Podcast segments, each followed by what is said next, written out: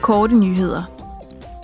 I tirsdags mødtes Europaparlamentets udvalg om borgernes rettigheder og retlige og indre anlægner med eksperter i en offentlig høring.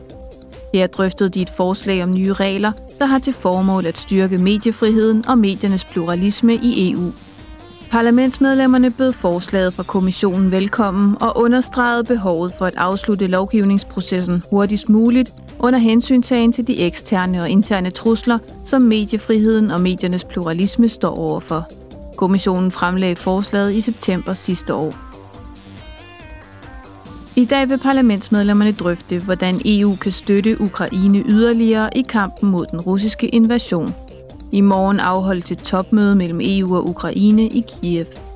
De to parters ledere forventes at drøfte finansiel og militær støtte til Ukraine, samt de næste skridt i forbindelse med Ukraines forsøg på at blive medlem af EU.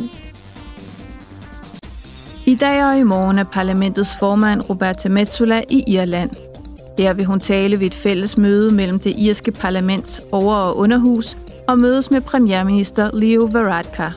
I morgen skal Metsola mødes med Irlands præsident Michael D. Higgins og deltage i et debatmøde med unge irere.